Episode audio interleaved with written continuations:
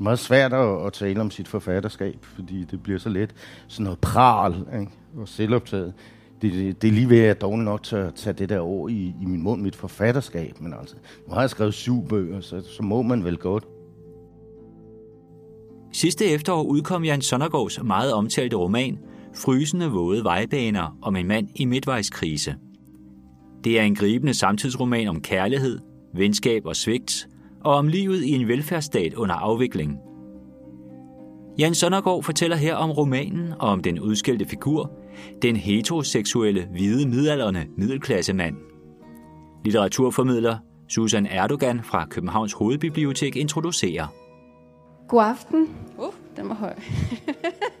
Jeg er helt forskrækket over min egen stemme. Uh, velkommen til Hovedbiblioteket. Uh, mit navn er Susan Erdogan, og jeg er litteraturformidler her på stedet. Uh, nedenom og hjem med Sondergaard er titlen på øh, Kristelig Dagbladets anmeldelse af øh, Jan Sondergaards seneste roman. Øh, en anden anmelder kalder det en afviklingsroman. der er i hvert fald tale om en, en uh, kulsort øh, og underholdende fortælling øh, om en øh, om øh, en mand i krise øh, på sit livs derut. Øh, inden jeg byder Jan velkommen, vil jeg lige hurtigt få nogle praktiske bemærkninger til. Og det er, at øh, dette arrangement bliver podcastet og kan genfindes på Københavns Bibliotekers ganske udmærkede hjemmeside. Øhm, og der vil som altid være mulighed for at stille spørgsmål øh, til sidst. Men øh, without uh, further ado, så vil jeg byde Jan Sonnergaard velkommen. Mine damer og herrer. Hej, mange tak. Det er alt for galt. Tak for det store fremmøde. Øh, vi deler arrangementet op, sådan, så jeg taler sådan omkring en times tid eller sådan noget, og så er der vist en, en halv time eller deromkring øh, til overs, hvor vi forhåbentlig får noget dialog. Og det, jeg vil tale om, er ikke kun min ikke sidste, men seneste bog, øh, men også sådan lidt om, hvor den placerer sig ind i forhold til, øh, øh, til hvad jeg ellers har skrevet. Og på en eller anden måde ser jeg lidt tilbage i den her bog til, hvad jeg ellers har lavet, og hvad der ellers har været øh, principperne, drivkraften og motivationen og ambitionen øh, med den her. Og øh,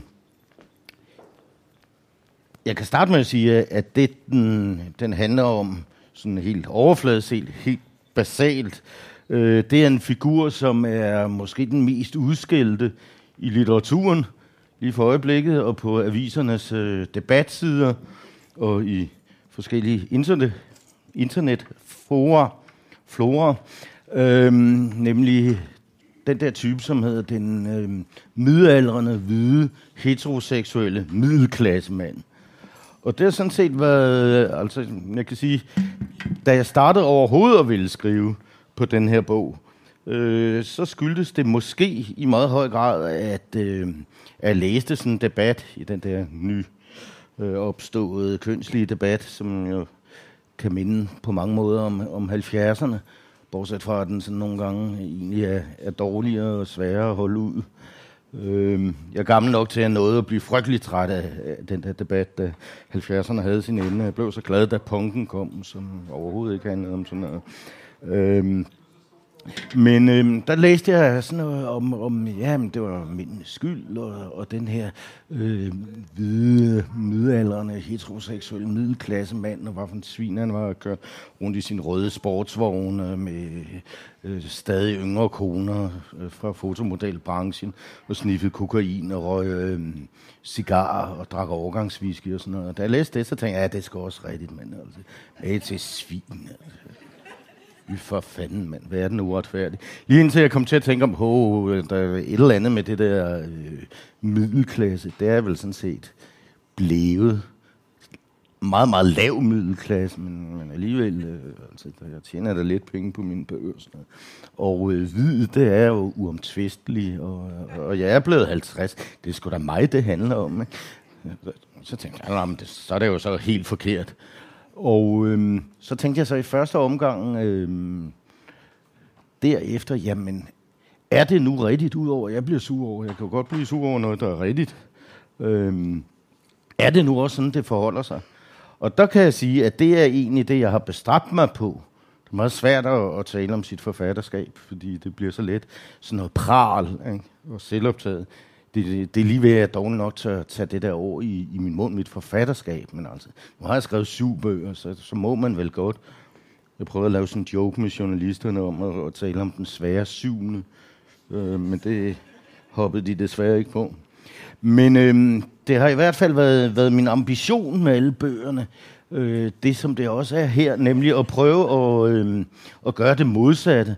Altså min debut, Radiator, øh, knyttede jo an på øh, Niels Frank, som var øh, rektor for forfatterskolen, som sagde, at der var ord, der var så upoetiske og uelegante og, og grimme, at man ikke kunne bruge dem i digt, hvis digtet skulle være litteratur ord som for eksempel radiator. Ikke? Altså, så, ja, værsgo, men nu får du sgu en hel bog. Hvad er det for noget sludder? Man kan skrive om alt. Øh, og det mener jeg så også stadigvæk. Øh, det kommer bare an på, hvordan man gør det, og hvad ens sigte er med det, og hvor god man er til det, og, sådan noget, og hvor meget tid man bruger på det. Øhm, altså, jeg prøvede at, at gøre det stik modsatte i titlen, og jeg prøvede også at gøre det stik modsatte egentlig i bogen fordi øhm, jeg prøvede at, at give et billede af Danmark, som var det stik modsatte af, hvad vi jo sådan officielt sådan set stadigvæk siger, nemlig at, øhm, at Danmark er en stor middelklasse og dejligt velfærdssamfund, hvor få har for meget og færre for lidt, og alt det der. Så prøvede jeg at tage fat i alle dem, som ikke får del i det der, og så skrive det modsatte, altså hvordan er det ikke at, at at få sin bistand til at slå til, hvordan er det dumt på universitetet, og prøve at beskrive dårligdommen på de videregående uddannelser, øh, og sexchikaner, den måde, vi behandler hinanden på, og supermarkederne osv. osv. Øhm, på samme måde egentlig prøvede jeg også at gøre det modsatte her i, i den næste bog, sidste søndag i oktober, som sådan meget handlede om den her om præcis det samme, som omslaget er på, som er meget præcist. Altså en mand med hovedet først, og som løber alt, hvad han kan, direkte ind i en mur. Øhm, altså, hvordan er det, vi behandler hinanden, øh, når, når vi behandler hinanden dårligt? Altså prøve på en eller anden måde at give øh, den modsatte historie af, hvad der sådan officielt bliver sagt. For eksempel i sex- og samlivsbrevkasser, eller ægteskabsrådgivning i dagbladene og sådan noget. Jamen, du skal jo først og fremmest tænke på dig selv. Ikke? Øh, er, er et typisk svar. Og så prøvede jeg at vende den til at, at vise en masse folk, som kun tænker på sig selv, og derved bliver nogle ubehagelige svin. Øh, og igen det modsatte også i den sidste i trilogien, jeg er stadig bange for Kasper Michael Petersen, som blev skrevet lige under opsvinget, hvor øh, der blev sagt hurra over, hvor, hvor godt det gik i Danmark, og hvor heltene, det var som om heltene måske i 70'erne havde været rockstjerner, så i ja, måske også i, ja, i 80'erne blev det kokke, og så blev det sportsstjerner, og, og så der i, i nålerne lige, da boblen var allerhøjst, der var det så ejendomsmælere og tekstforfattere og, og yuppie og børsspekulanter og sådan noget. Og det prøvede jeg at vende om, meget inspireret egentlig af, af sådan et interview, jeg så med en kanadisk psykopatforsker, som havde skrevet sådan en disputat på flere tusind sider om psykopater. Og så øh, journalisten stille det meget rimelige spørgsmål. Hvor finder du egentlig alle de der cases fra? Fordi man siger jo, at, øh, ud af en befolkning, så er der højst 2% eller sådan noget, som er psykopater. Så det må jo egentlig praktisk være lidt vanskeligt. Og så svarer hun, ja, altså hun kunne jo bedst lide fængslerne, det var dejligt let. Så skulle man bare sådan få de lukkede afdelinger der, de stærke, sikrede afdelinger. Øhm, og ellers var der hospitalerne, men øhm, det kunne også være, være lidt svært nogle gange, fordi nogle gange var der sådan lidt øh, oprør, eller også ville offentligheden ikke have, at man gik derind, fordi der var sket et eller andet ganske særligt forfærdeligt. Så egentlig, hvis de der to muligheder var udtømte, så kunne hun godt lide at bruge børsen. og, og det tog jeg så som øh, for, for pålydende, og, og prøvede så at, at beskrive øh, bagsiden af det her velhævende Danmark, som måske kunne samles af sådan noget... Øh, velfærd uden moral, og magt uden etik, og øh, rigdom uden stil. Et langt stykke hen ad vejen. Altså det modsatte. Som i øvrigt også jeg gjorde med, med min roman, hvor øh, jeg synes, at der manglede en bog, som omhandlede 80'erne som, som et afsluttet 10 år. Altså med den der øh, hvad skal man sige, lille distance, som gør, at man måske kan se nogle ting, som man ikke så godt kan se, når man står midt i dem. Øh, det er jo en af fordelene ved, øh, ved litteratur, i modsætning til, til journalistik. Nogle gange kan vi se tingene lidt klarere, fordi vi er, er væk fra dem. Øh, og på det tidspunkt, jeg skrev den, der var, var der ved at komme alle mulige øh, øh, kulturhistorie om 80'erne som sådan et gladt årti, hvor vi vandt i fodbold, og hvor øh, man fik afviklet lidt af den der meget fodformede 70'er øh, ideologi, og sådan i det store hele godt.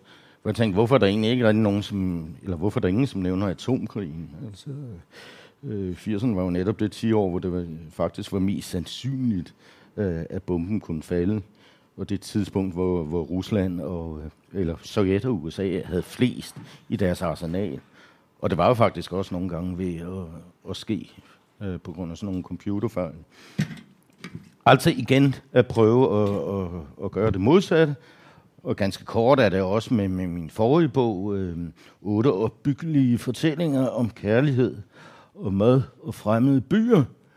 Øh, den her sorte, seriøse bog, Øhm, der prøvede jeg at gå imod det, der har været trenden, efter min mening, sådan de sidste 10-15 år i, i dansk litteratur, øhm, som nemlig er, at øh, den danske litteratur, eller i hvert fald prosaen, er blevet mere øh, national og rykket mere ud i udkantsdanmark, ud i provinsen. Det er utallige bøger, som foregår over øh, Sydsjælland, der kan man sige Helle Helle, eller Ida Jessen i, i Jylland, eller Jesper Funksung i, øh, øh, på Fyn, og øh, hvad er det, Mors der med, øhm, øh, hvad den hedder, Mærke der i Smerup, øh, Rønner, Aalborg, og så videre, så videre. Ikke fordi der er noget galt øh, med de bøger, heller ikke fordi der er noget galt med temaerne, men mig forekom det bare, at, der, at det var en trend, og som jeg nu er ved at slå i med syvtom og søm, øh, at så prøver jeg at gøre det modsatte. Og jeg synes, øh, at det, der manglede der, det var øh, nogle fortællinger, som tog øh, hensyn til, at Danmark er medlem af EU, og vi lever i en globaliseret verden, og, og så videre. Så derfor satte jeg mig for at skrive en bog, øh, som skulle foregå i udenlandske byer, skulle være der i, i et kvartal, øh, mindst, og, og jeg skulle leve uden noget sikkerhedsnet. Det vil sige, der måtte ikke være andre danskere. Det måtte ikke være sådan nogle refugier eller danske huse eller sådan noget. Jeg skulle være mutters alene og bo ligesom de lokale i, i henholdsvis Prag, Berlin, Tbilisi, øh, Paris, øh, Rom, Saint Nazaire og Amager. Men altså, jeg prøver øh, på en eller anden måde at, at gøre det modsatte, siger jeg fordi det er jo selvfølgelig ikke hele ambitionen af hele projektet, så vil det jo hurtigt blive ret kedeligt. Så der skal selvfølgelig være et eller andet i det. Og, og lægge i øvrigt mærke til, at jeg siger ikke nødvendigvis, at jeg har ret, men jeg siger, at det er udgangspunktet. Øh, fordi øh, hvis man sådan, tog det meget seriøst, for eksempel det, jeg sagde om, om den danske litteratur, som er i, i udkants Danmark og provinsen, så kunne jeg jo hurtigt blive øh, trumlet ned af alle de bøger, der er kommet, som ikke handlede om det. Men altså på en eller anden måde skal startskuddet øh, øh, være et eller andet, som jeg fornemmer, at det er folk enige om, og øh, hvor jeg ikke er enig, og jeg så prøver at stille mig selv det spørgsmål, ja, men er det nu også helt rigtigt? Og øh, hvis jeg så finder ud af, at det er det på den ene eller den anden, eller på flere måder ikke, øh, så er det egentlig et meget godt øh, sted at gå i gang. Men i og med, at jeg så vil, øh, gerne vil skrive en bog om den her meget udskældte øh, type, så måtte jeg jo også overveje, altså... Øh, hvad det er, som kan gøre det slemt der at være i øhm, øh, øh, det omkring 50 år. Og øh, det er jo ikke nok gjort med bare, at ja, så, så er der lidt kortere tilbage i livet og, og sådan noget der, og, og måske der kommer nogle læmelige skavanker og sådan noget. Det er jo egentlig ikke sindssygt interessant at, at læse. Øh, dramatisk, hvad er der så i det? Og man kan sige, at en af de ting, der er, og jeg kommer ind på en masse flere, men øh, en af de ting, som den dukker op, og som dukker op som en slags chok første gang, man kommer ud for den, det er jo simpelthen det, at folk begynder at dø. Altså. Så lige pludselig en i omgangskredsen, måske ikke nødvendigvis en, man var særlig glad for, eller var en særlig god ven, eller særlig god kæreste, eller ekskæreste, eller sådan noget. Men bare en eller anden, som vedkommende er sgu død. Ikke? Og, og det er sådan set lidt centralt i, i den her bog. Øhm, det der tema med, at, at livet er endeligt. I hvor ved der så også kommer et psykologisk spørgsmål, som jeg så synes, at nu begyndte det lige pludselig at, at, at blive interessant mere end det der øh, øh debattekniske og, øh, og logiske. Øh, og det er jo nemlig, hvordan reagerer man så over for for eksempel et tab eller en katastrofe, kan man sige. Og det, øh, jo mere jeg tænkte over det, desto mere interessant synes jeg egentlig, det blev. For det er jo vidt forskelligt. Øh, så forskelligt, som, som vi mennesker er forskellige. Øh, der er mange teknikker, man kan gøre. Altså, der er nogen, hvis de bliver... Man kunne for så vidt også godt tage en skilsmisse og tage en fyring. Og nu er jeg bare i gang med en fyring og tabet af, af en ven eller bekendt. Ikke? Man kan godt ligne lidt hinanden. Så tænker jeg, jo, men altså, den her mand på 50 år, hvad med at han er fyre? For det er jo nemlig i den alder, vi bliver det, øh, som på grund af alder, hvis vi ikke har bidt os fast. Ikke? Altså alt det der med grå guld og sådan noget, det er rummeligt arbejdsmarked, det er virkelig bare newspeak. Øhm, men så udover, at jeg ved at tænke lidt over det, fandt ud af, at hovedpersonen selvfølgelig skulle være fyret for sit job, øh, så måtte jeg jo også overveje det der med, hvordan man reagerer på et tab. Og det er jo så forskelligt. Altså, der er jo nogen, hvis de bliver fyret, eller skilt, eller mister en ven, eller sådan noget. Sådan typisk ting, måske mest for mænd, det vil være at begynde at drikke enormt meget. Øhm, en, anden til, en anden reaktion kunne være at blive aggressiv og, og uomgængelig, øh, fordi man er ked af det. Ikke? Øhm, der er jo så også dem, som øh, bliver meget sentimentale og øh, græder hele tiden og ikke kan tale om andet og uh, det tab, og, og som næsten får defineret deres liv af den skilsmisse, eller den fyring, eller det dødsfald, eller hvad det nu kan være. Ikke? Øh, så er der også dem, som, som så reagerer meget spektakulært og siger, nu blev mine øjne åbnet. Jeg er dødelig. Og så bliver de vegetarer og veganer og tager til Himalaya og, og begynder at dyrke yoga og siger om hele dagen lang og sådan noget, fordi det åbnede øjnene for dem. Øh, men så der, er der også en sidste reaktion, som måske er den mest almindelige, og det er den, er lavet som ingenting. Ikke? Altså bare lukke øjnene og sige, nej, det, det skete ikke. Og det er en eller anden grund, øhm, den, der fascinerede mig mest. Altså fortrængningen og benægtelsen. Øhm, så jeg tænkte, at det måtte egentlig være, være et meget godt sted at, at starte. Fordi den her bog skulle jo handle om andet end bare en enkelt person. Og det har jeg så prøvet med alle mine bøger. Det skal jo gerne være lidt, lidt alment. Og jeg ønsker jo egentlig ikke, at det er sådan nogle sentimentale historier, eller en sentimental roman, hvor man sidder og, og, og føler, at ah, det er da også synd for den person. Øh, jeg vil gerne skrive noget, som siger, fy for pokker, altså det, det er jo nærmest mig selv. I hvert fald det, jeg prøver at, at stræbe efter. Og det, det vil jeg give et eksempel på her i starten af bogen, fordi den starter med en begravelse, at øh, Jesper, som han hedder, middelalderne mand, fyret på grund af effektiviseringer i, i postvæsenet, øh, andelslejlighed, øh, gammel rock'n'roller. Jeg forestiller mig sådan en, en høj, tynd mand i sort tøj og lidt nikotin gule fingre og sådan meget spidse kobberstøvler, og måske lige frem sådan lidt brylcreme i, i det sortfarvede hår, øh, som ikke har bevæget sig så forfærdeligt meget øh, ud af, øh, af 80'erne og start 90'erne. Øh, han kommer til, til begravelsen, den gamle ven Henrik, som, øh, som er død, uden at han rigtig ved, hvorfor. Og hele garden af de gamle, som var i byen, er der. Altså de kvindelige femme fataler, der kommer i deres netstrømper og, og lange hæle og, og øh, korte lædernederdele og sådan noget. Men er ligesom blevet lidt for gamle til at, at, at bære det der. Mændene kommer også, men, men de der sådan pumpede muskler, der er der begyndt sådan at hænge en lille smule hud ned over der. Og, og tatoveringerne er forældede. Altså, det er ikke smart med de der tribale tatoveringer nu. Nu skal det være noget andet.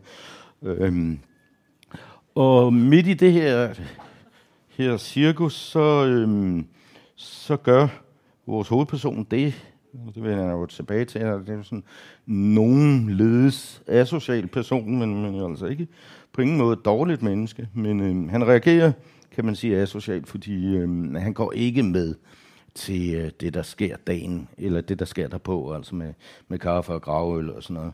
Han og, og en anden en fra kredsen, som han heller ikke har set i mange år, som hedder Sebastian, øh, de bliver enige om at, at forlade den her begravelse og tage ind til byen. Og bare et, et eksempel på, på tonen og billederne og sådan noget her.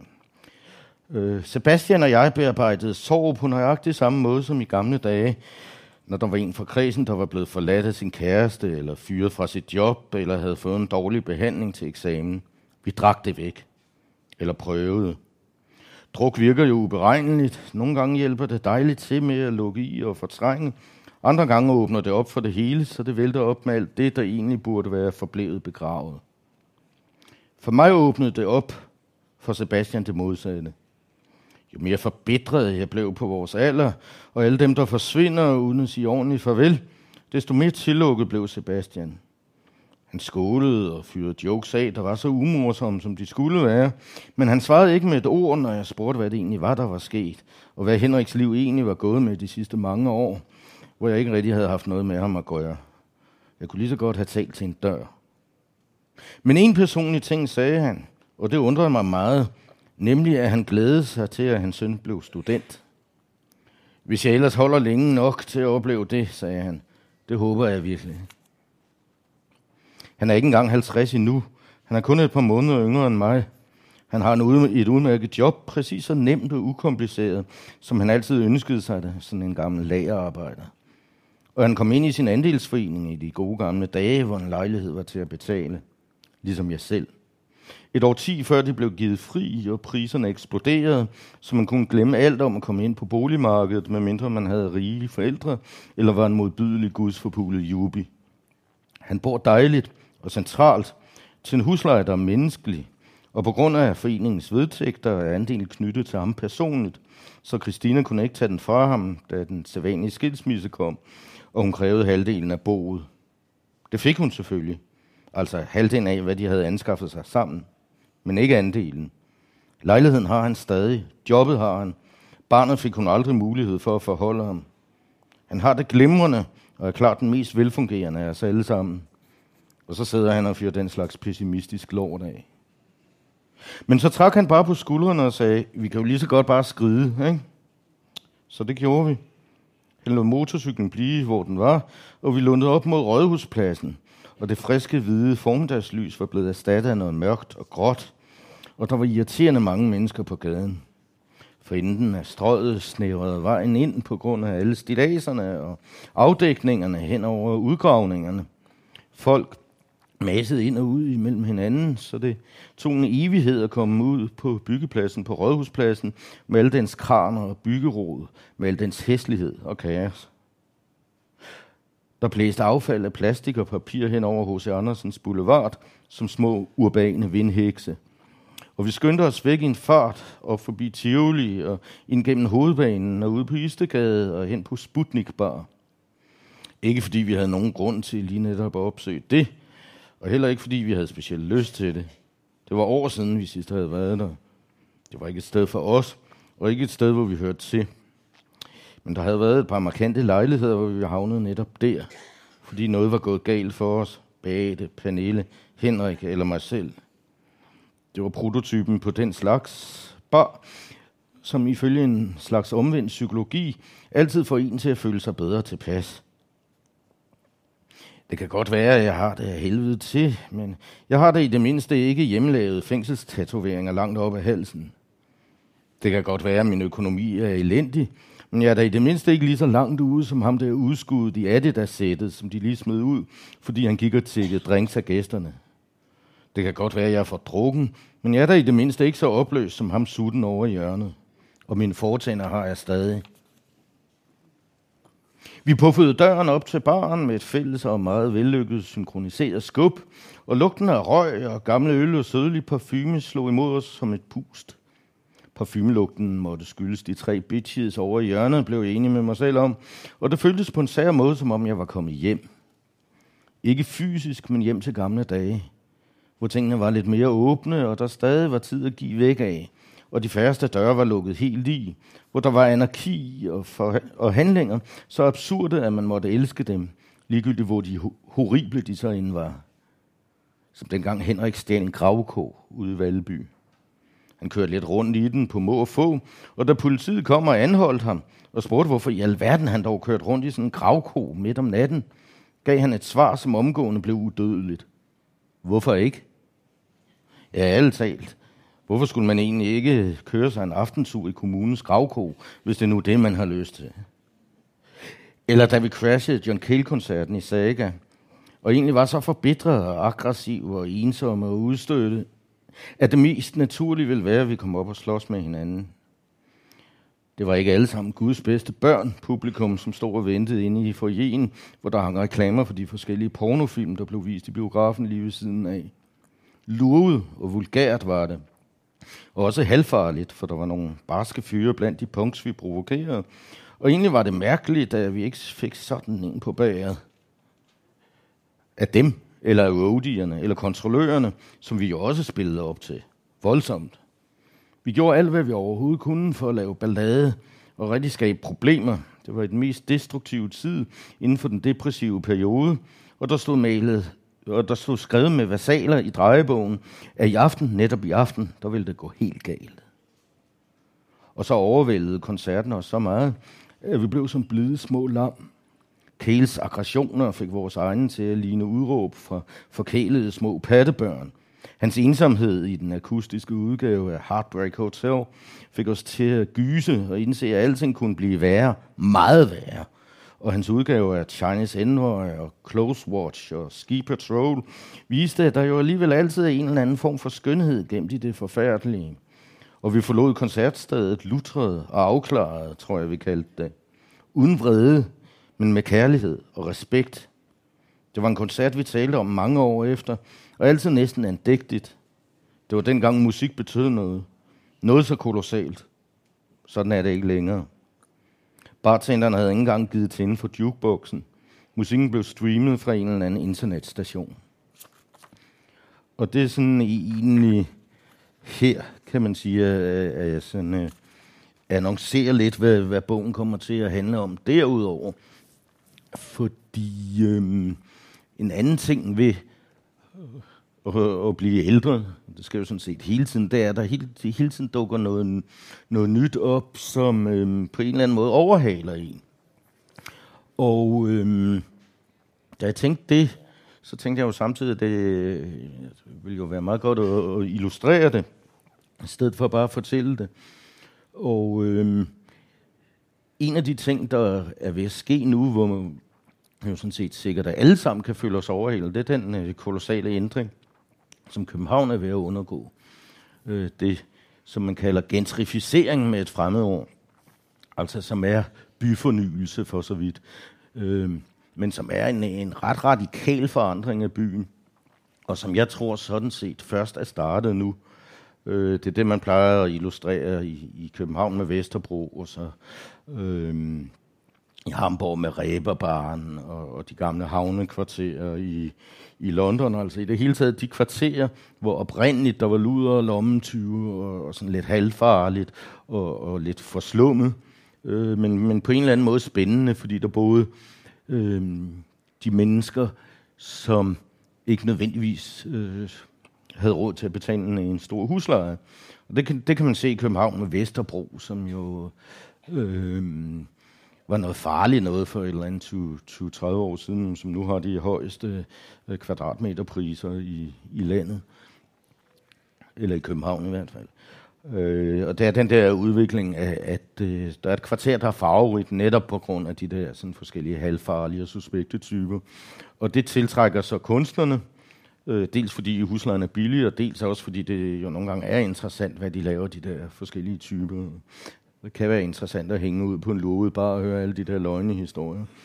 Øhm, og når kunstnerne så har invaderet nærmest et eller andet kvarter, så sker der jo så efterfølgende det, at den kreative klasse, som vel og mærke ikke er det samme som kunstnerne, men det er altså dem, som næsten kan ligne det. Ikke forfatterne, men tekstforfatterne og journalisterne. Ikke øhm, billedkunstnerne, men AD'erne fra reklamebyråerne. Øhm, ikke skuespillerne, men øh, dem, som optræder i reklamefilm og sådan. Dem, som har lidt flere penge, men som stadigvæk beskæftiger sig med noget, øh, noget kreativt. De rykker sig ind øh, de steder, og når de så er der, så får finansmændene øje på det, ikke? og tænker, uh, her skal der noget, så rykker de også ind. Og jo flere, der rykker ind i de kvarterer, desto mere bliver de oprindelige beboere øh, trængt ud. Og det kan ske på forskellige måder. På Vesterbro, så vidt jeg har hørt, er det sket sådan med, også sket med klager.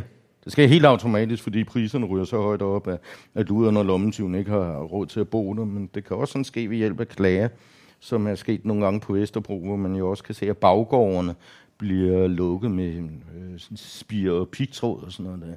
Fordi øh, indehaverne af de dyre ejerlejligheder, de vil jo ikke have, at der sidder bumser og drikker øl eller narkomaner. Og der begynder også at komme klage til politiet, ikke? når folk sådan bliver opmærksom på, at den der lille kælderbiks med, med det røde lys og velure, øh, gardinerne der, jamen øh, hun er jo luder, og der kommer klamme mænd ud af dem. Og øh, over på bodegaen, jamen de er jo berusede, og tatovøren, der er jo rocker, som er kriminelle. Altså, og, og det skal lukkes, hvor man så spørger sig selv, jamen, altså, det kan da ikke være nyt for jer. Det der, så kunne man jo bare bosætte sig et andet sted. Men der er den der øh, øh, småborgerliggørelse, at, at det skæve skal væk. Og jeg tænkte, at det er egentlig øh, øh, en god ting at lade en person gennemleve. Fordi ham her, han har jo ikke særlig meget andet at gøre, og han er på en eller anden måde i et chok over den her venstød, så Øh, øh, det han så gør, det er, at han kører igennem byen, sådan en eller anden tvangshandling af ham, så tager bussen eller spacerer endeløst rundt i København, som øh, er en by, han elsker. Det er nemlig i, i meget høj grad det her en københavnerbog. Øhm, det skulle det være 100% i afsætte, men, øh, men det endte så et andet sted, hvad jeg kommer ind på lige om lidt. Øhm, men, men så ser han at den her by under kolossal forandring, og føler det, som om sådan et billede, han siger, at jeg havde det, som om jeg sad i et lokal, der var ved at dække op til en fest, som først starter, når jeg er gået. Og, og den følelse kan jeg jo egentlig ikke, øh, på en måde også godt have med København, ikke? at de, det er så forskelligt fra kvarter til kvarter, men hvis man, der er mange steder i København, hvor man kunne have det på den måde. Hvis man for eksempel var meget glad for Islands Brygge, ikke, så kan man sige, hvad, hvad er det? Og, og Sydhavnen, jamen, hvad er det for en fest, de er, er ved at lave der? Det er i hvert fald ikke for sådan nogen som mig, det er, er for velhaverne, ikke? Og, og Nordhavn også. Og det gav mig så en mulighed for at, at beskrive København og mens jeg gjorde det, så tænkte jeg, at der var faktisk også nogle andre ret alvorlige forandringer, der vil ske. Og det har sådan set i alle mine bøger også været et sigte. Ikke at jeg vil lave debatlitteratur øh, på den måde, øh, men, men jeg synes jo ikke, det gør noget at være lidt verdensvendt, var der en kritiker, som kaldte det. Øh, altså at tage op, hvad der er ude i virkeligheden, og så måske give et eller andet bud på det, og måske brokke mig, eller måske svine nogle folk til, som øh, har fortjent det, eller på en eller anden, anden måde bruge litteraturen til lidt mere end bare at være underholdende, eller kunst med stort K. Altså, øh, måske kan jeg også komme med nogle indspark, som giver læserne noget at tænke over. Måske ligefrem noget at diskutere, øh, hvis de er flere, der har læst bogen. Og øh, der tænkte jeg side om side med, øh, at, øh, at byen bliver gentrificeret og normaliseret og, og småborgerligt gjort, øh, så er der en anden bevægelse, som egentlig minder lidt om det, og det er det, man kan kalde disciplineringen, øh, som vi tydeligst ser på universiteterne, hvor de unge mennesker skal være færdige øh, med deres uddannelse inden for normeret tid, og ikke må skifte øh, studieretning undervejs, og sågar ikke engang må læse i udlandet, før de er blevet færdige med deres bachelor. Og der er sådan en lang række af krav, øh, som jo er det stik modsat af, hvad der var gældende i, i 80'erne. Øh, vores ven her har også haft en kort periode på universitetet, øh, og, og mindes så øh, dengang, altså, hvor, hvor det at være selvstændig var et øh, øh, absolut plusord. Det at være kritisk, det at være engageret, og så noget med at lave udenad og lave pensum, det var absolut et, øh, øh, et nej. Det var, det, det var ikke øh, velset, det blev man i hvert fald ikke øh, nødvendigvis populær på.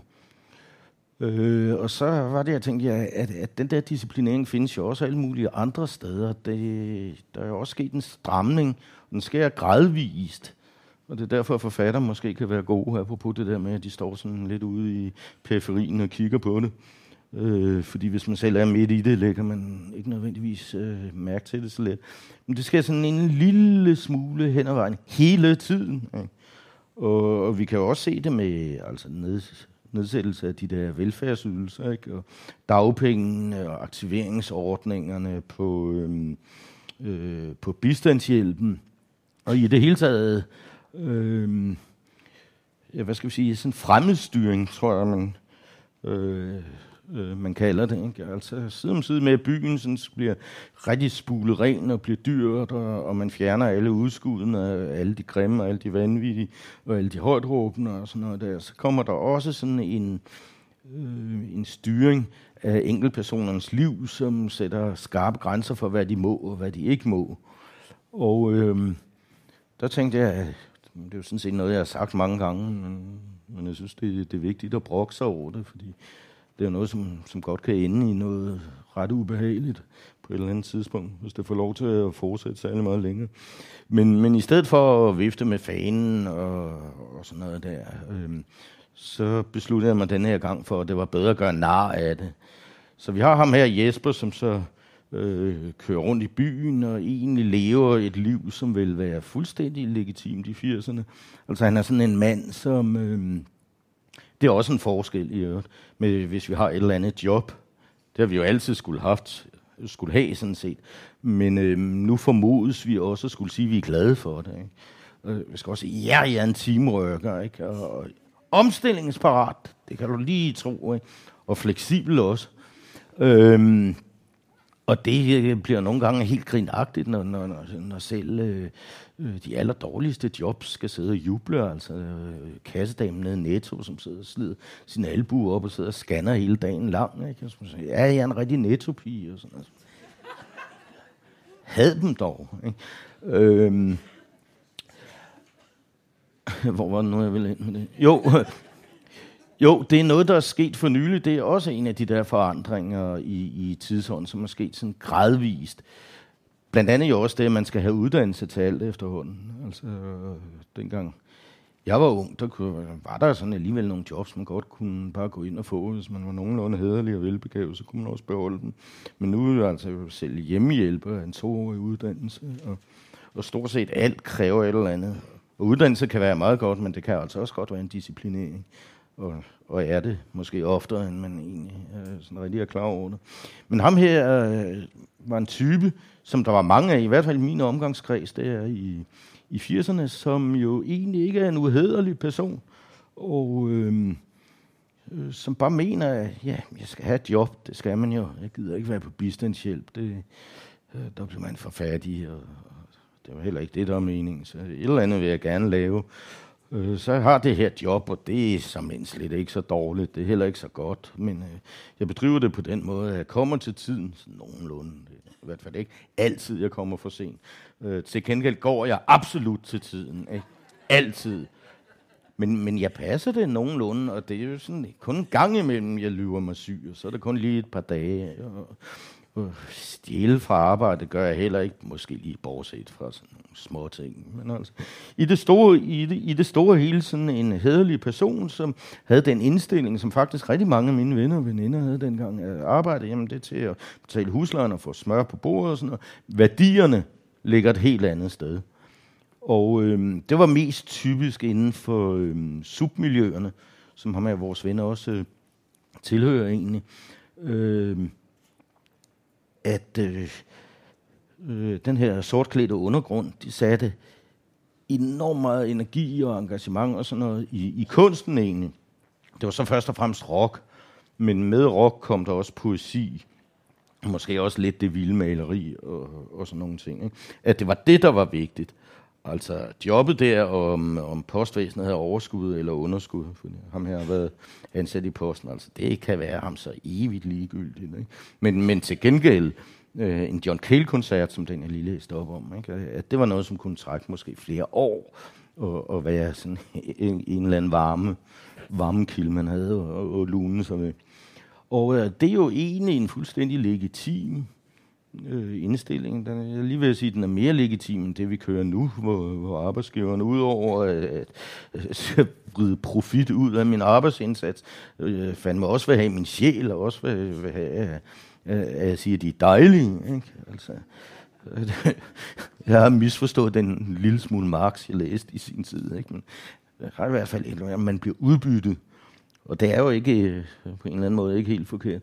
Men, men i hvert fald, han har ikke set øh, tingene skifte, så, øh, så han, er, han er blevet fyret, og han har så heller ikke rigtig helt for alvor set andet end som meget, øh, hvor alvorligt det egentlig er at stå uden for det der etablerede cirkus i dag. Øh, det begynder så småt at gøre, gå op for ham, men, men ligesom der med vinden, det her også en historie om ikke-reaktion. Altså, så kunne man jo forestille sig, at han fandt et andet ligegyldigt job. Der er trods alt nogen et eller andet sted, man kan øh, passe med venstre hånd, hvor man ikke bliver tvunget til at, øh, at gå i firmauniform og, og råbe hurra hele tiden.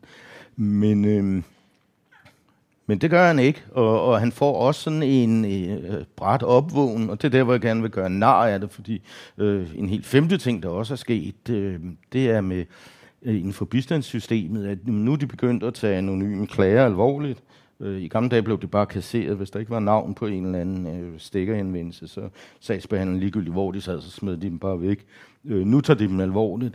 Øh, der er også sket nogle skred i forhold til privatlivets fred, hvor, hvor faktisk der er nogle ting, de gerne må intimidere folk, hvis man har mistanke om, øh, at de modtager... Øh, ja, i det her tilfælde er det så boligydelse uberettiget. De siger, at jeg kun bruger én i den her lejlighed, så bruger der to i virkeligheden. Øh, det bliver kontrolleret, og, og det er egentlig også noget, der er sket inden for de sidste 10-15 år, i hvert fald i det omfang. Det, det er tilladt i dag. Og øh, der var vores ven her, efter at have været på et par herlige drukture, og kom hjem og har, i sin brændert har forestillet sig, at, at han øh, er styrmand, som sejler hele bygningen igennem natten og forbi alle 10 årene og sådan noget. En hel række af, af, af cigaretter og whisky og konjak og øl og sådan noget der. Og første knald ud, når solen står op. Øh, så bliver han så vækket den næste dag, og der står sådan en eller anden stor, fed... Øh, øh, kerub nærmest. Øh, Øvnuk kalder han ham. Sådan en stor øh, mand med en nylonskjort, som er lidt for lille til en meget, meget stor mave, og sådan en lille fistelstemme, og så står der sådan en lille bred dame, som er meget aggressiv. De står hammerløs på døren, og da han så åbner, så går de ind uden at spørge om lov, øh, og går så, nå, er det her din? Og så finder de sådan en kimono. Den her sloprok går du vist ikke med.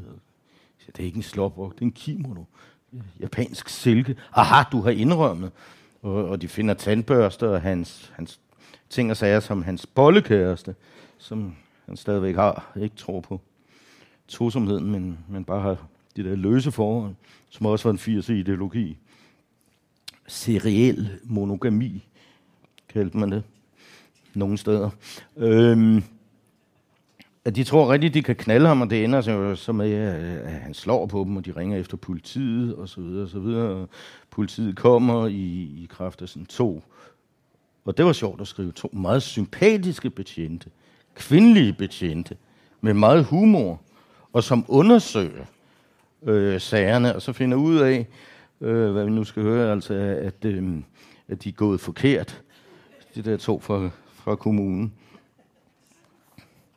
Det kommer så til at lyde sådan her, som er, så er slutningen af, af første del. Der er tre dele i bogen, og øh, som, det så rigtig, som Susan så rigtig sagde til at begynde med, så er det en, en beskrivelse af en mand i, i frit fald. Og det her er sådan starten af det, det her, hvor, hvor så, øh, det koger op, som man siger. Ja, ja, ja, nu har han sådan på en eller anden måde fået nok, og det er lige ved at skride det ene. Det var gået galt. Det var det, der var humlen i hele historien. Dyneløfterne havde fået et print fra sagsbehandlerne med fejl, og de to bistandsdetektiver kendte ikke Patrick personligt. De kørte åbenbart rundt og tjekkede alle mulige hele dagen, og næsten altid uden at have set dem først. De ville vel selv kalde det at være professionelle, altså i den forstand, at de ingen følelser havde investeret, og arbejdede lige så følelsesløst med klienterne, som de ville gøre med konservesdåser eller vaskepulver.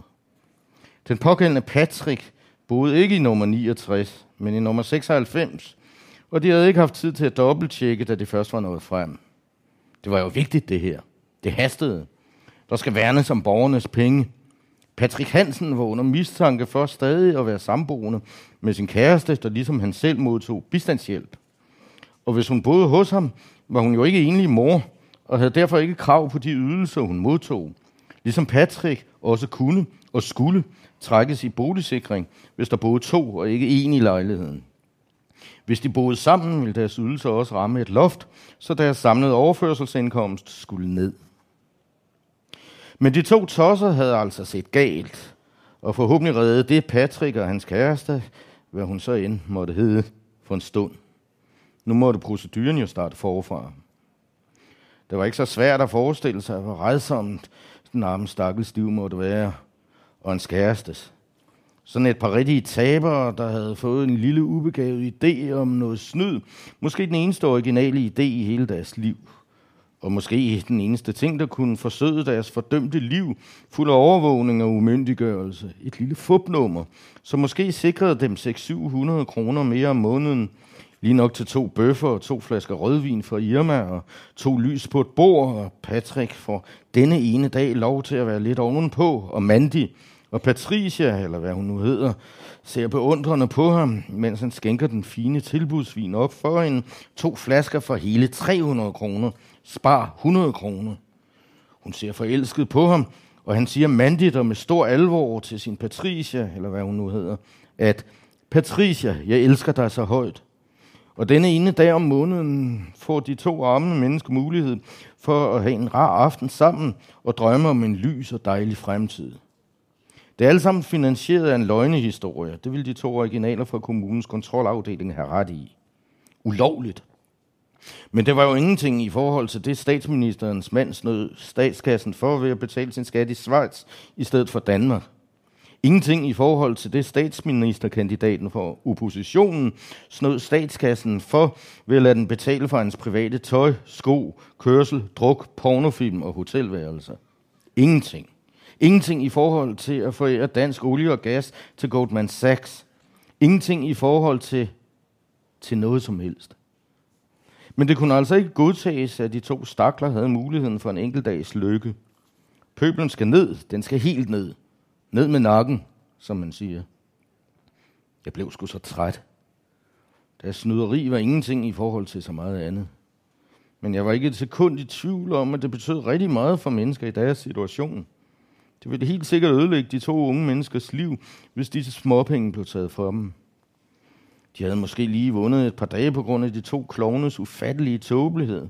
Men ingen tvivl om, at kommunen vil gå så meget hårdere til stolen næste gang.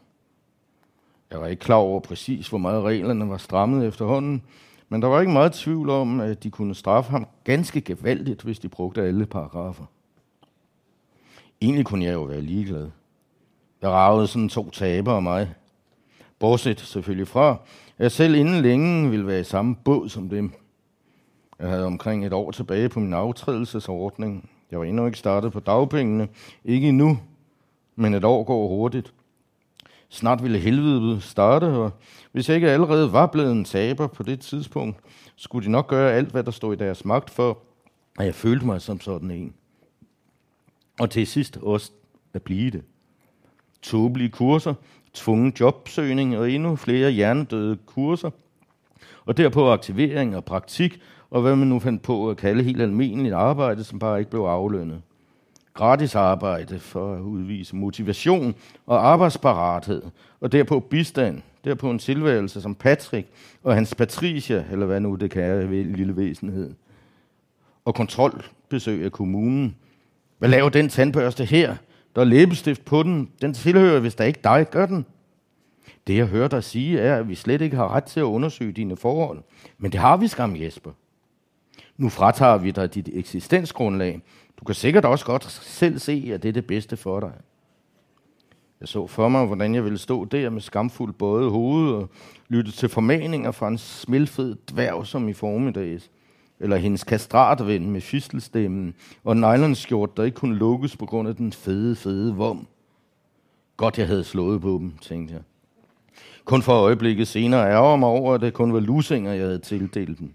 Jeg burde have brugt knoerne og sparket jeg burde have slået dem i gulvet. Så langt var vi altså kommet. Mit elskede fædreland. Velfærdsstaten over dem alle. Og så sådan noget dyneløfteri. Godt, at de to panser havde gjort så meget nar af dem. Det kunne jeg godt glæde mig over. Egentlig burde jeg klage over dem. Betjentene havde informeret mig om mine rettigheder i den forbindelse, og fordi hele scenariet var så absurd, havde de blankt afvist at tage anklagerne fra de to klovner alvorligt om, at jeg skulle have slået på dem. Det kunne da aldrig falde mig ind, havde jeg svaret. Selv ikke i lovligt nødværve. Selv i lovligt nødværve, spurgte Valkyrien. Det var da en løjerlig formulering. Hvorfor ikke det? Jeg er kristen, havde jeg svaret. Jeg vender den anden kind til.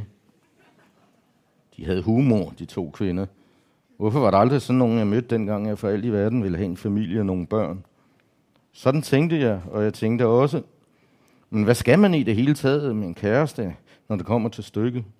Løbet er jo kørt. Kernefamilien er der ingen, som tror på længere. Og heller ikke jeg selv. Jeg har hørt for mange løgne og selv fyret for mange af, til at jeg vil lege lykkelig enefar, der simpelthen har det så dejligt med min lille datter og bare de aller, allerbedste venner med min eks. Mens tårne for så vidt løber ned af kinderne under min latterlige, konforme, gladmands klovnemaske, sådan som alle de andre gør det. De mødes, bliver kærester, hun bliver gravid efter seks måneder, føder efter yderligere ni, og de bliver skilt tre år efter. Hvorfor? Jeg er snart 50 og har måske for alvor lyst til at knippe sådan cirka 15, allerhøjst 20 år endnu. Dette behov kan sagtens tilfredsstilles med nogle udmærkede danske luder. Og intet problem i at tjekke, om de gør det frivilligt, og at de får lov til at beholde salæret. Intet. Du kan jo for eksempel bare spørge dem om det, inden I indgår aftalen. Hvis hun bliver bange og ikke vil rykke ud med sproget, har du allerede modtaget et svar.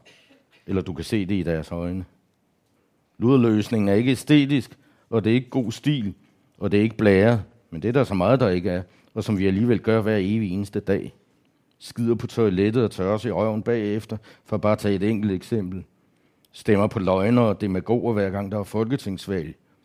Køber ting og sager i supermarkedet, som vi bliver nødt til at kassere i samme øjeblik, vi er kommet hjem med dem, fordi de allerede var rødne, eller er så dårlig kvalitet, at de går i stykker første gang, man bruger dem. Alligevel gør vi det, uden tøven ser tv og læser avis og prøver at bilde os ind, at vi derved bliver informeret, selvom vi sidder tilbage med hovedet fuld af ubesvarede spørgsmål og en klar følelse af, at de selvfede tv-værter endnu en gang har holdt os for nar. Noget så gevaldigt. Men vi gør, som vi får besked på. Ser ned på dem, der er allerlængst nede, og snopper for de allertåbeligste, de fjolser, der er højst oppe hylder en middelklasse, der aldrig åbner en bog og stemmer på Dansk Folkeparti og snyder med arme og ben, så snart de kan slippe afsted med det. Køber stjålne pH-lamper og Børge Mogensen sofaer. Får lavet carport og samtalekøkken sort. Køber spiritus og cigaretter og sodavand og bajer uden at betale moms. Og skyder skylden for al dårligdommen på perkerne bagefter opfatter sig selv som umådelige, næstekærlige og hederlige mennesker, samtidig med, at de stemmer for, at flygtningen sendes tilbage til deres hjemland, uanset om de bliver skudt eller prylet og voldtaget i samme øjeblik, de sætter deres ben på jorden. Militæret tager til Afghanistan uden at kunne sproget og bliver nødt til at hyre lokale tolke, som alle ved vil blive henrettet som det aller, aller første, hvis fjenden vinder. Efter at have været i dette fjerne land i overvis, skønt det aldrig nogensinde har gjort os danskere noget, så trækker militæret sig de trækker sig ud med halen mellem benene, men tolkene tager de ikke med. Politikerne herhjemme synes, at det er bedre, at de bliver efterladt til den visse død. Og det gør vælgerne også. De finder sig i det. De understøtter det sågar. Lukker øjnene og lever videre, selvom vi alle sammen lige så godt kunne lægge hovedet ind i gasovnen med det samme og få det overstået. Indse, at festen er slut, og at der ikke kommer mere sjov. Gør som Henrik, hvis det da ellers var det, han gjorde Sig pænt tak for i aften og forlade showet. Det var måske det, man skulle gøre nu i tide. Tag en ordentlig dosis ketamin, eller finde et fint, skarpt barberblad og åbne venerne. Sådan tænkte jeg, med stor overbevisning. Hver evig eneste aften, lige inden jeg gik i seng, og de fleste morgener, når jeg vågnede. Indtil jeg en dag mødte en kvinde, som kaldte sig Julia. Og det er så øh, overgangen til... Øh, til den midterste tredjedel, hvor øh, jeg så får den fordel egentlig, øh, at øh, jeg kan skildre København fra en anden synsvinkel. Fordi det her, som I formodentlig har fået lidt indtryk af, er øh, sådan en person, der er, er meget sortsynet og ikke ser noget positivt i, i noget som helst. Øh, som er depressiv på den der lidt interessante måde, hvis, øh, øh, hvis man møder en, der er rigtig, rigtig depressiv, øh, så ser man nogle gange, at vedkommende også er meget aggressiv. Fordi øh, den klassiske definition på en depression er en aggression vendt indad. Øhm, men øh, det er jo ikke nødvendigvis rigtigt, og det er heller ikke nødvendigvis forkert. Altså, det, der var lidt vanskeligt ved den her bog, øh, Øh, var at beskrive en, der var så negativ, som var kvævland, uden at, at læseren øh, så bare synes, han er latterlig. Altså, der er jo det gamle ordsprog, som siger, just because you're paranoid, that don't mean they're not after you. Øh, bare fordi du er kvævland, kan de andre jo godt være nogle idioter. Øh, men jeg kommer ind i et problem som forfatter, hvis ikke på en eller anden måde jeg forholder mig til det. Så jeg tænkte, når nu jeg gerne vil beskrive København, så var det måske ret oplagt også at lade den her person øh, se byen fra den positive side, kan man sige. Og det gør jeg på den måde, at han, øh, han er jo langt ude ved at lukke og slukke, og både aggressiv og deprimeret, og har jo sådan set på mange måder alle mulige grund til at være det, så det er ikke, det er ikke fuldstændig øh, irrationelt. Øhm, og der ved jeg fra virkeligheden, og det gør I sikkert også, at, at øhm, øh, rovdyrene går jo efter den, der sover. Man kan se, når man sådan selv har været lidt ude af balance af den ene eller den anden grund, så har det jo som regel været der, øh, de forskellige former for, for skiderikker kom og, og gjorde, hvad de nu gjorde. Ja, det er jo så forskelligt fra person til person. Men altså, øh, det er der, man skal passe på i hvert fald, når, når paraderne er nede, og man er ude af balance. Øh, det er der, man er sårbar. Og øh, det er ham her, og øh, øh, lige netop derfor bliver han så meget, meget bjergtaget af en kvinde, han måske øh, ville have holdt fingrene fra, øh, hvis han havde været lidt mere i, i balance, og det havde været øh, tidligere. Men lige se, du står og tripper. Hvad, er, er vi ved at gå... Hvad? Det er op til dig, om du... Jeg vil også bare lige stille det her. Men tak for det. Jeg er ved at, at være sex, men vi har jo ikke som sådan travlt. Nej, nej, men jeg vil bare gerne have et års tid til nogle spørgsmål. Det var, nej, men øh, jeg, vil, jeg vil lige øh, fortælle den færdig, uden at, uden at røbe for meget i hvert fald. Men altså det, som så... Øh, bogen skifter ret mange steder. Øh, det har været det, som gjorde den var meget, meget sjov at, at læ- slå at skrive, og forhåbentlig også at læse. Øhm, og den skifter jo så i både beskrivelsen af København, for som sagt, så, så er det langt øh, det, det meste hen ad vejen i en, øh, en bog, en københavnerbog. Øhm, og han møder øh, den her Julia, som hun hedder, og jo egentlig, så der er en mand, der er ret fastgroet i sine rutiner. Øh, så i stedet for, at han alene kører rundt i de der busser og, og går om, om natten eller om eftermiddagen igennem sit elskede København, så gør han det nu sammen med hende. Og jeg får så den mulighed, at jeg kan beskrive øh, alle de negative ting ved København, også ud fra deres positive side. Hvor for eksempel det, jeg snakkede om før med gentrificeringen og, og øh, øh, moderniseringen og moderniseringen af København, har jo sådan på en eller anden måde også sin gode side, hvis man kan huske, hvordan Vesterbro for eksempel var i, i 1982. Jeg havde nogle venner, der boede der, og jeg kan tydeligt huske den der skimmelsvamp og, og gasovnen der, som gjorde det hele øh, lige så fugtigt som et dampbad, og tapeterne, som gik af, og, og muk, og allergiske reaktioner, når man havnede i en eller anden slumbolig på grund af, af al den skimmelsvamp, der var der. Og jeg kan også godt huske de bodegaer, hvor øh, hvis det var, man gerne ville ud og more sig lidt og drikke lidt med vennerne, så skulle man passe på. Og det der depressive med, at det eneste, man kunne få på en dansk café, øh, det var var sådan øh, øl og snaps og sådan noget. Der er det jo trods alt en fordel i dag, at de fleste steder kan man også få lidt at spise. Øh, og nogle gange er der ovenikøbet sådan næsten udmærket. Ikke? Øh, kaffen er blevet bedre, brødet er blevet bedre og sådan noget. Øh, det får jo lige den her person til at gennemleve, efter at han har, har øh, mødt den her pige til et øh, arrangement, hvor han er blevet han har mødt sådan to meget irriterende bekendte, som øh, med vold og magt vil hive ham med til en middag øh, hos nogen, han kender perifært fra universitetet. Og øh, det var noget, jeg tog med, øh, fordi øh, blandt andet de der to meget irriterende venner, en parodi på to magtfulde øh, kulturredaktører, som øh, jeg er meget irriteret over. Og øh, der var også en anmelder, som blandt andet kaldte den her bog med fortællingerne for husfarporno for de kultiverede. Og jeg tænkte, at det kræver lige en bytte. Og så kom jeg i tanke om, at jeg rent faktisk engang havde været til, til middag cocktailparty øh, hos hende. Øhm, og så fandt jeg også øhm, øh, så, så fandt jeg også nogle af hendes øh, sådan mere tåbelige citater, og satte dem direkte ind. Øh, det var det i 60'erne, man kaldte cut-up-teknik. Altså nogle gange er det meget dejligt at være forfatter, fordi hvis man laver sådan en lille svinestreg, så kan man så finde et eller andet begreb at dække det ind over. Øh, men det her er sådan set ikke en, en svinestreg, det er en bytter, som rockerne siger. De myrder en som, fra den anden gruppe, som lige har myrdet en af deres. Øh, men ham her fyren vil egentlig øh, meget nødigt komme til, til det der arrangement, fordi øh, alle de ting, han ikke kan lide, der er universitetet selvfølgelig også et af dem.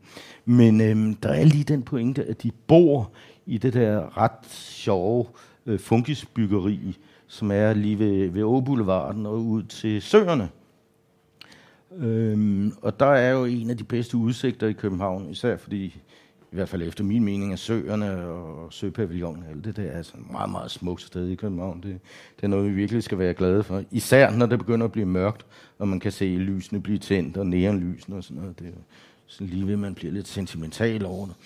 Især også, når man tænker på, at det i virkeligheden i 70'erne var meningen, at det skulle jævnes med jorden og være en syvspors motorvej, som hed Søringen og, øh, og planerne de blev udstillet. Jeg kan ikke huske, om det var her, eller det var på Rådhuset. For, for nogle år siden blev de udstillet, og, og komplet altså også med sådan små øh, øh paphuse og veje, og sådan en komplet model, og, og pengene var der også. Det blev bare heldigvis forsinket lidt af en embedsmand, som kunne tænke selv. Ikke? Fordi de havde jo sådan en trafikprognose med, hvor mange øh, 100.000 biler, der skulle igennem byen. Og det var også fint at hænge udmærket sammen. Men han sagde, øh, hvor skal de biler så stå? Så nå ja, for fanden, men ja, så blev vi jo nødt til at rive noget mere ned og lave nogle parkeringshus og sådan noget. Og det forsinkede det lige et år eller to, og så kom oliekrisen heldigvis. Øhm, så det blev fuldstændig skrinlagt. Men, men det var altså lige ved at ryge, og det kommer jo også en gang imellem med Søpavillonen, af, af sådan meget øh, æstetiske arkitekter siger, at det er, er kitsch og, og, og det er det sådan set også, men altså øh, netop derfor vil jeg næsten sige. Jeg håber i hvert fald ikke, det bliver ryddet. Nå, men altså han øh, tager med til det der først og fremmest, fordi han så kan se ud over sit elskede København. Og det giver jo så også forfatteren mulighed for at skrive lidt mere om København. Det var som sagt i høj grad det, den her bog handler om. Men han tager med til den der fest, og han er blevet inviteret, og øh, han gør det sådan lidt med uvilje, men, men glæder sig i det mindste til at stå der øverst oppe i deres penthouse-lejlighed og kigge over sin elskede fødeby. Og der står han så og, øh, og ringer på. Det lyder så sådan her. Jeg blev brummet ind med det samme, og da jeg steg ud af elevatoren, konstaterede jeg, at lejligheden fyldte hele etagen. Indgangsdøren stod åben, men der var ingen vært til at hilse velkommen. Man skulle til synligheden bare gå ind i stuerne, hvor hvor de mange mere eller mindre unge mennesker stod og talte påfaldende alvorligt med hinanden. Det lød som en montage af forskellige programmer fra P1, Radio 24 og undervisningstimer på universitetet. Det var vanskeligt at høre, hvad der blev sagt, men jeg opfangede forskellige små sentenser og bossord, mens jeg bevægede mig ind i stuen og prøvede at finde nogen, jeg kendte. Det var ikke altid, da jeg gæster svarede, når jeg hilste på dem. På den måde var der intet, der havde ændret sig. Man skal ikke overse, at Walter Benjamin til syvende og sidst er messiansk, sagde en af dem. En høj sorthåret fyr med dybe øjenhuler. Han indskriver sig i en dialektisk, materialistisk diskurs, som i sin egen selvforståelse bevisligt har adopteret en uangribelig naturvidenskabelig metodik. Men reelt abonnerer han jo på en traditionel teologisk utopi. Hans samtalepartner nikkede alvorligt og svarede drevende. Det er en fascinerende pointe. En materialistisk kausalitet, der først bliver teoretisk fungibel i en teologisk optik. Eller omvendt. Marianne stod i midten af den tilstødende stue. Hun havde et følge af tilhører, der lå hver gang hun sagde noget.